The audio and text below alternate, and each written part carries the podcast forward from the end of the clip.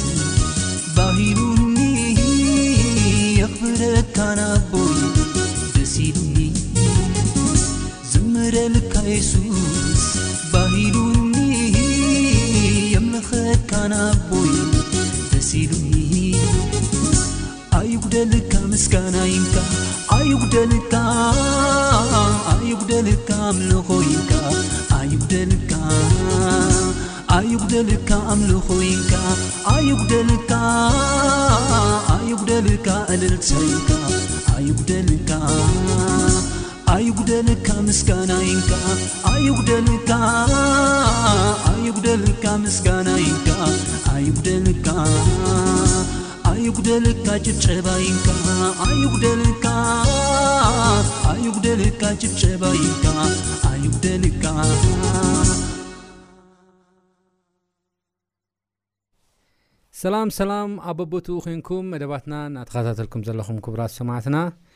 ሎሚ እውን በዚ ሒዝናዮ ዘለና መንፈስ ቅዱስ ጥምቀትን ምስክርነትን ብዝብል ኣርእስቲ መቐፀልቲ ኢና ሒዝናልኩም ክቀርብ ማለት እዩ ኣብ ዝሓለፈ ንላዶቅያ ዝተዋሃበ መፍትሒ ብዝብል ኣርእስቲ ርኢና ነርና ሎሚ ከዓ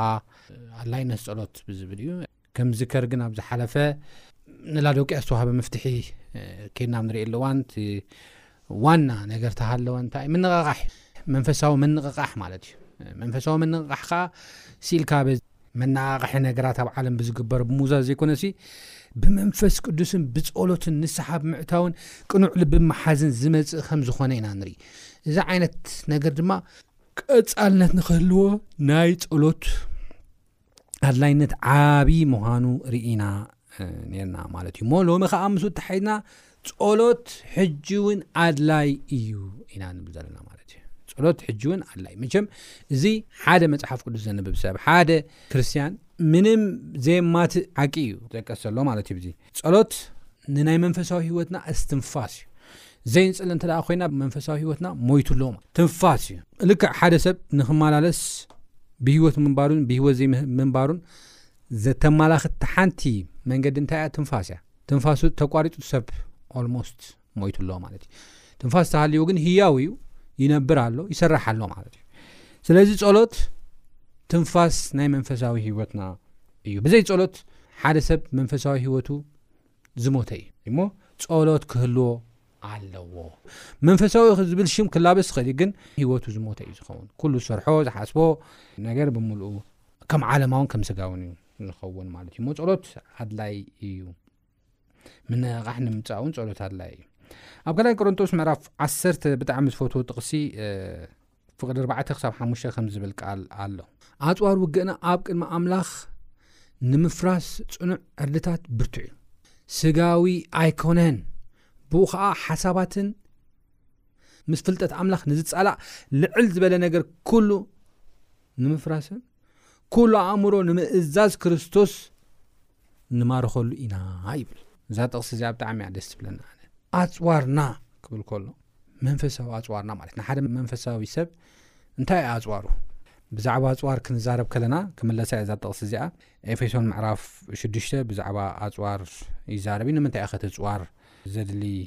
ዝብል እውን ሓደ ወሳኒ ሓሳብ ይመለሰልና እዩ ማለት እዩ እንታይ ይብል ኣብ ኤፌሶን ምዕራፍ 6 ፍቅዲ 1 ዘሎ ብዛዕባ ኣፅዋር ክዛረብ ከለኹ ስለ ዘለኹ እዩ ዝዛረብ ዘለኹ ኣፅዋር ዘድለየና ኣብ ውግእ ስለ ዘለና እዩ እቲ ፅዋርና ከ እንታይ እዩ እዚ ሓያል ዝኾነ ፅዋርና ኣፅዋር ውግእናስ እንታይ እዩ ብዝብል ሓሳብ ክንርኢና ማለት ብዝተረፈ ሳሕዋት ብጎይታ ብፅንዓትን ሓይሉን በርትዑ ምስ በለ እቲ ቅልስና ይብል እቲ ውግእና እቲ ቅልስና ይብል ጳውሎስ ኣብ ኤፌሶን ምዕራፍ 6 ፍቕዲ 11 ነንብበልዋ ምስ ሕልቅነትን ምስ ስልጣናትን ምስ ናይ ጸልማት ገዛእቲ ዓለምን ምስ መናፍስቲ እከይን ኣብ ሰማያት ይምበር ምስ ስጋን ደምን ኣይኮነን ኣብዛ ሓሳብ እዚኣ ሰለስተ ቃላት ተጠቒሰን ኣለዋ። ስለዚ ኣብዚ ዝዛረቦ ዘሎ እንታይ እዩ? ምስ ሕልቅነትን ብኻልእ ኣባህላ ሓለቓ ዘለዎም ነገራት ማለት ስልጣናትን ምስ ናይ ጸልማት ገዛእትን መን እዮም እዚኦም? ሕጂ ትቕልስና እዚ ምስ ሰብ ኣይኮነን ንሕና ትቕልስና ከም መንፈሳውያን ከም ኣመንቲ ከም ብክርስቶስ እናኣመንን ምስኡ ተጣቢቕናውን ቃል ተቐቢልናውን እንኸይድን ሰባት ቅልስና ምስ ሕልቅነትን ስልጣናትን ምስ ናይ ጸልማት ገዛት እዩ እዚ ኦመን እዮም ክንብል ከልና ውርድ ኢሉ ይገልጸልና እዩ መናፍስቲ እከዮም እዚኦም መናፍስቲ እከዮም ናይ ሰይጣን ልኡኻት እዮም ምስዚኦም እዩ ትቐለስና እዩ እምበር ምስ ስጋን ደምን ኣይኮነ ምስ ሰብ ኣይኮነ ስጋን ደምን ዘለዎ ሰብ ኣይኮነ ስጋን ደምን ክኾሬና ክእል እዩ ክጋጭወና ክእል እዩ ግን እሱ ይኮነን በገዛእ ሓሳቡ ድራይቭ ተገይሩ እዩ ብኻልእ ብውሽጡ ዝመርሖ ፑሽ ዝገብሮ ዘታሎ ነገር ስለ ዘሎ እዩ። ሄዋን ኣብ ገነት ኤደን ሓጢኣት ንኽትሰርሕ ከምቲ ሰይጣን ዘእመና ሓሳቡ ንኽትገብር ብኻልእ ኣባህላ ዓይና በሪሁ ልክዕ ከም ኣምላኽ ክትከውን ኢልዋ ስለ ዝነበረ ኣምላኽ ክትመስል ኣምላኽ ክትከውን ናይ ገዛእ ርእሳ ተመንያ እታ ፍረ ክትበልዓ ከላ ሓጢኣት ክትገብር ከላ ኣምላኽ ዘይፈትዎ ነገር ክትገብር ከላ ንኣምላኽ ዝሕዝን ነገር ክትገብር ከላ ካብ ገዛ ርእሳ ዘይኮነስ እቲ ሰይጣን እዩ መሪሕዋ እቲ ሰይጣን እዩ ታሊልዋ እሞ እዚ ዓይነት ሓሳባት ኣብ ውሽጢ ደቂ ሰብ ክነብር ዝገብር ሰይጣን እዩ ስለዚ ትቕልስና ምስ ሰይጣን እዩ እና እንታይ ይብል ቀፂሉ ንፍሕሶ ሰይጣን ምቅዋሙ ምእንቲ ክትክእሉስ ኩሉ ኣጽዋር ኣምላኽ ልበሱ። ፍሕሶ ጸይጣን ክትቃወሞ ትኽእል ብናትካ ኣጽዋር ኣይኮነን። ናትካ ኣጽዋር እንታይ እዩ? ምናልባት ኣእምሮኻ ብምጥቃም፣ ሳይንስ ብምጥቃም፣ ዘለካ ሃብትን ንብረትን ብምጥቃም፣ ዘለካ ፈተውቲ ብምጥቃም ክኸውን ይኽእል እዩ ናትካ ኣጽዋር። ነገር ግን ብናትካ ኣጽዋር ንናይ ሰይጣን ፍሕሶ ክትስዕሮ ኣይትኽእልን ኢኻ እዩ። ስለዚ ሓደ ነገር የድለይካ ኣሎ እንታይ ንሱ ከዓ ኣፅዋር ኣምላኽ እዩ ስለዚ ኣፅዋር ኣምላኽ እንታይ ክትገብር ኣለካ እዩ ዝብለና ዘሎ መፅሓፍ ቅዱስ ክትለብስ ክትክእል ኣለካ ቅድም ኢል ኣብ ካልይ ቆሮንቶስ መራፍ 1 ካብ 4 ክሳብ 5 ዘንብብዎ ኣፅዋር ውግእና ይብል እዚ ኣፅዋር ውግእና ካብ መን ዝለበስናዮ እዩ ካብ ኣምላኽ ዝለበስናዮ ኣጽዋር ውግእና እንታይ እዮም እዞም ኣጽዋር እዚኦም ከ ሕጂ ኣጽዋር ውግእና ዝተባህለ ዋና ምክንያት ኣብ ውግእ ስለ ዘለና እዩ እቲ ውግእና ከዓ ምስ ሕልቅነትን ስልጣናትን ምስ ጸልማት ገዛእቲ ዓለምን ምስ መናፍስቲ እከይን ምስ ባዕሉ ምስ ሰይጣንን ስለ ዝኾነ እዩ ኣጽዋር ውግእና ተባህለ ማለት እዩ ስለዚ ኣጽዋር ኣምላኽ እዩ ዘድሊ ነዚ ኩሉ ንክንሓልፍ ማለት እዩ ስለዚ ይብል ቁፅሪ 13 ኤፌሶን ምዕራፍ 6 ፈል 13 በቲ ኣኪቲ መዓልቲ ምቋም ምእንቲ ክትክእሉስ ኩሉ ምስ ኣሳለጥኩም ደው ክትብሉስ ብዘሉ ኣፅዋር ኣምላኽ ኣልዕሉ ይብለና ደጊም ሓዋኹም ብሓቂ ተዓጢቕኩም ድርዒ ፅድቂ ተኸዲንኩም ቁሙ ይብለና ተቐዳማይ ዕጥቂ እንታይ እዩ ብሓቂ ተዓጢቕኩም ዕጥቂ ብሓቂ ተዓጢቕኩም ካልኣይከ ድርዒ ጽድቂ ድርዒ ጽድቂ ከኣ እቲ ካልኣይ ሳልሳይ ድማ ነቲ ናይ ወንጌል ሰላም ምድላው ኣብ ኣጋርኩም ከም ኣሳእን ኣትኹም ደው በሉ ኣሳእን እቲ ራብዓይ ድማ ምሰናይ እዚ ኩሉ ክፉእን ርሱን መንትግ ዘበለ ክተጥፍእሉ እትኽእሉ ዋልታ እምነት ኣልዕሉ ዋልታ እምነት ቀጺሉ ድማ ናይ ምድሓን ቁራዕ ርእሲ ኣእትው ናይ መንፈስ ሰይፊ ውን ማለት ቃል ኣምላኽ ሓዙ ይብለና። ብኹሉ ጸሎትን ልማኖን ኩሉ ሳዕ ብመንፈስ እናጸለኹም እሞ ምሰናይ እዚ ብኹሉ እናተጸመምኩም ስለ ኩሎም ቅዱሳን ብጸሎት ንቕሑ ይብለና። ስለዚ እዚ ኣጽዋር ኣምላኽ ተባሂሉ ተጠቒሱ ዘሎ ነገራት ኬድና ክንርእዮ ከለና ካብቲ ብዙሕ ሒደት ኣብ ኤፌሶን ተጠቒሶም ዘለዉ ነገራት እቲ ቀዳማይ ቃል ኣምላኽ እዩ ብግልጺ ዝተገልጸ ነገር ቃል ኣምላኽ እዩ። የሱስ ክርስቶስ ኣርብዓ መዓልትን ኣርብዓ ሌትን ክፍተን ከሎ ብዲያብሎስ ብቓል ኣምላኽ እዩ ኣብኣ እውን ነጊርዋ እዩ ኣብ ኤፌሶን ምዕራፍ 6 ፍቕዲ 17 እውን ነጊርዋ እዩ ብዛዕባ ቓል ኣምላኽ ክዛረብ ከሎ ምሰናይ እዚ ኩሉ ናይቲ ክፉእ ርሱን መንትግ ዘበለ ከተጥፍእሉ እትኽእሉ ዋልታ እምነት ኣልዕሉ ይብል ናይ ምድሓን ቁራዕ ርእሰኣቱ ናይ መንፈስ ሰይፊ እውን ማለት ቃል ኣምላኽ እውን ሓዝ ይብለና ሰይፊ እዩ ዝብለና ቃል ኣምላኽ ሰይፊ እዩ ንዓና ዘጥሬና ሓያል መሳርያ እዩ እቲ ካልኣይ እንታይ እዩ ዝብለና እምነት እዩ እቲ ሳልሳይ ድማ ዝብለና ካብ ታሕቲ ንላዕሊ ዝመፀልኩም ዘለኹ ሓቂ እዩ ብሓቂ ምንባር ብሓቂ ምምላስ ራብዓይቲ ወንጌል እዩ ናይ ወንጌል ምስክርነት ምስካር ማለት እዩ ሓምሻይ ድማ ናይ ክርስቶስ ፅድቂ እዩ ናይ ክርስቶስ ፅድቂ ክንለብስ ኣለና እዚታት እዩ እዚ ኣፅዋር እዚ ካብ ኣምላኽ እንወርሶ እዩ ናይ ክርስቶስ ጽድቂ ባዕሉ እዩ ዝህበና፣ እምነት ባዕሉ እዩ ዝህበና፣ ቃል እውን ባዕሉ እዩ ዝህበና፣ ቃሉ ዝሃበና ምሳና ኣብ ኢድና ዘሎ እምነት እውን ባዕሉ እዩ ዝህበና፣ ቅዱስ መንፈስ እውን ባዕሉ እዩ ዝህበና። ስለዚ ነዚ እዩ ኣብ ካልኣይ ቆሮንጦስ ምልስ ኢለ ከንብብ ከለኹ ኣጽዋር ውግእና እዚኦም ቀለልቲ ዝመስሉ ነገር ግን ሓያላት ዝኾኑ ኣጽዋር ውግእና ይብል።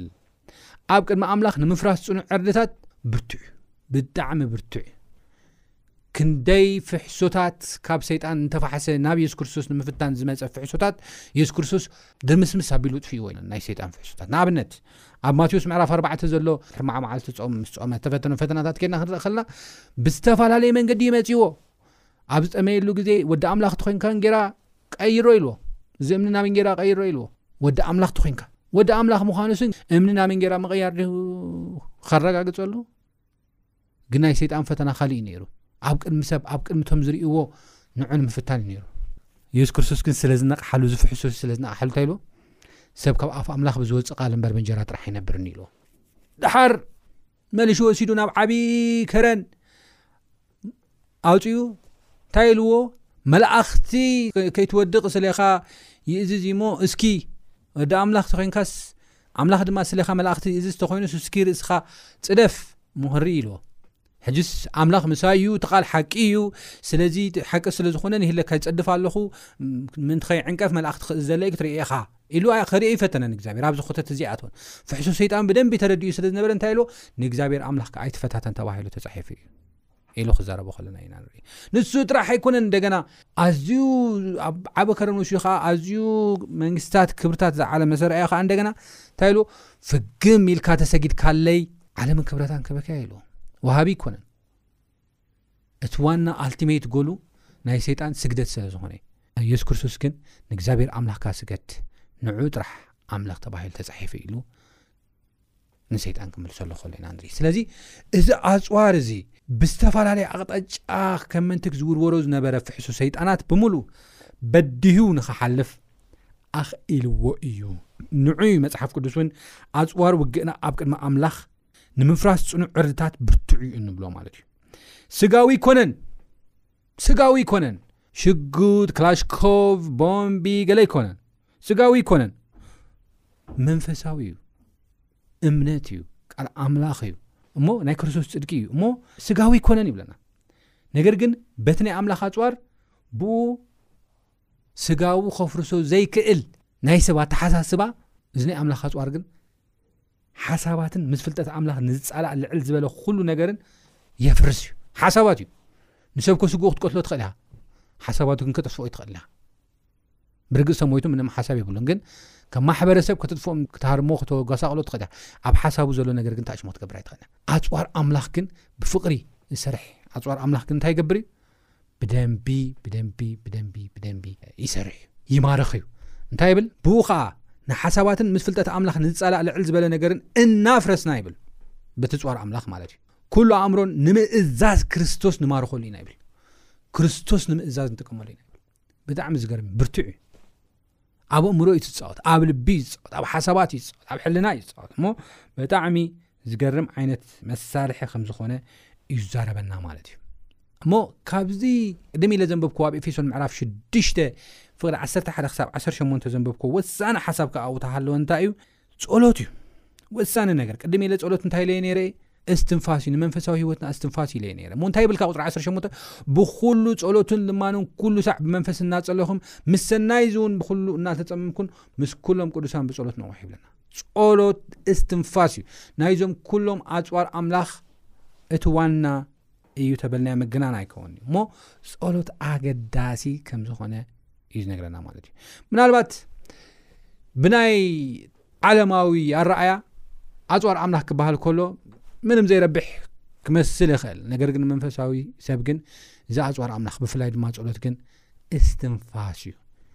እስትንፋስ እዩ ኣተሓሳስባ ሰብ ዝማርኽ እዩ ዝደንደነ ልቢ ዝሰብር እዩ ኣብ ውሽጢ ዝሰርሕ እዩ ከቢድ መሳርያ እዩ ማለት እዩ ካብዚ ዝተላዕለ ብዙሓት ዝናይ ኣፅዋር ኣምላኽ ብዙሕ ስለ ዘይመስሎም እንታይ ክብሉ ኢና ንርኢ ማለት እዩ ነቲ ወንጌል ርጀት ክገብሮ ከሎ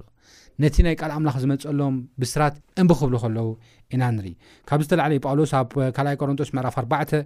ፍቅዲ 3 ክሳብ 4 ከይና ንርኢ ኣለዋን ከም ዝብል እቲ ወንጌልና ስውር እንተኾነ ይስወሮም ማለት እዩ እቲ ወንጌል እቲ ወንጌልና ስውር እንተኾነ ከዓ ካብቶም ዝጠፍኡ እዩ ተሰወረ እቲ ብርሃን ወንጌል ናይ ክብሪ ክርስቶስ ንሱ ከዓ ምስሊ ኣምላኽ ምእንቲ ከየብርሃሎምሲ ኣምላኽ እዛ ዓለም እዚኣ ንሓሳብ እቶም ዘይኣምኑ ኣዐወሮ ይብለና እምቢ ስለ ዝበሉ ፍቓደኛታት ስለ ዘይኮኑ ከም ዝዓወሩ መንፈሳዊ ስፕሪትዋሊ ከም ዝዓወሩ ነቲ ብስራት ነቲ ዝጠቕሞም ነገር ከዓ ክሪኡ ከም ዘይከኣሉ እዩ መፅሓፍ ቅዱስ ዝዛረበና ማለት እዩ እንታይ እሞ ንሕና ኸ ኣብዚ ግዜ እዚ ዘለና ግደ እንታይ እዩ እንታይ ክኸውን ዘለዎ ክንብል ከለና እቲ ዘዐወሮም ነገር እቲ ንኸይርእዩ ኣዒንቶም ዓዊሩ ዘሎ ናይ ልቢ ድንዳኒኦም ናይ ምግላፅ ስራሕ እዩ ዘለና ንኽበረሎም ምግባር እዩ ማለት እዩ እዚ ከዓ ብኸመይ እዩ ዝኸውን እንተኢልና ብፀሎት እዩ ኣብ ቅድሚ ኣምላኽ ብፀሎት እዩ ኣብ ዝሓለፈ ናይ ሳውል ወይ ድማ ድሓር ጳውሎስ ዝተባህለ ሰብ ፊልጶስ ክፅልየሉ ከሎ ቅርፊት ካብ ዓይነቱ ክወድእ ከሎ ርኢና ኢና ደሓር እቲ ወንጌል በሪሂሉ መንፈስ ቅዱስ ተቐቢሉ ሰብ ክኾን ከሎ ርኢና ኢና። እዚ እዩ ናትና ስራሕ ኣብ ቅድሚ ኣምላኽ ሰባት ምቕራብ ናብ ቅድሚ ኣምላኽ ኣቕሪብና ድማ ምሕረት ክረኽቡ ምግባር ማለት እዩ።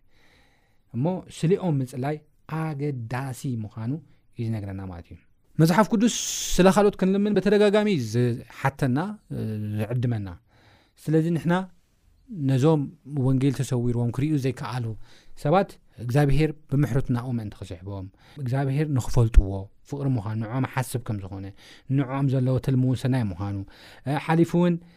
ቃል ኣምላኽ ክኣምኑ እቲ ቃሉ ክኣምኑ ሓቂ ምዃኑ ክኣምኑ እቲ ተስፋ ንዕኦም ከም ተዋህቦም ንኽኣምኑ ሓሊፉ እውን ብናይ ሰይጣን ሓይልኽ ንኸይወድቁ መሊሾም መንፈስ ቅዱስ ድማ ኣብ ህይወቶም ምእንቲ ክሰርሕ ካብ ሓጢኣት ምእንቲ ክምለሱ፣ ንናይ ክርስቶስ ኣምላኽነት ጌትነት ንኽእዘዙ፣ ሱር ሰዲዶም ድማ ንኽዓብዩ ክንጽልየሎም ይግብኣና እዩ ማለት እዩ እሞ ጸሎት ሓይሊ ኣለዎ ንዓና ንመንፈሳዊ ህይወት ሓይሊ ኣለዎ እስትንፋስና እዩ ንካልኦትን በረኸትን ንምድሓንን ዝኸውን ሓይሊ ኣለዎ እሞ ኣብቲ እግዚኣብሄር ዝሃበና ሓላፍነት ናይ ዕዮ ሓላፍነት እውን ዓብዪ ግደ ዝፃወት እዩ እሞ እዚ ናይ ፀሎት ህይወት ክንለማመድ ከምቲ ኣብ ኤፌሶን ምዕራፍ 6 ፈል 18 ዝበሎ ክንለማመድ እግዚኣብሄር ፀጉ የብዝሓልና ብዝቐፅል ብካልእ ክሳብ ንራኸብ ሰላም ኩኑ ጎይታ ይባርኩም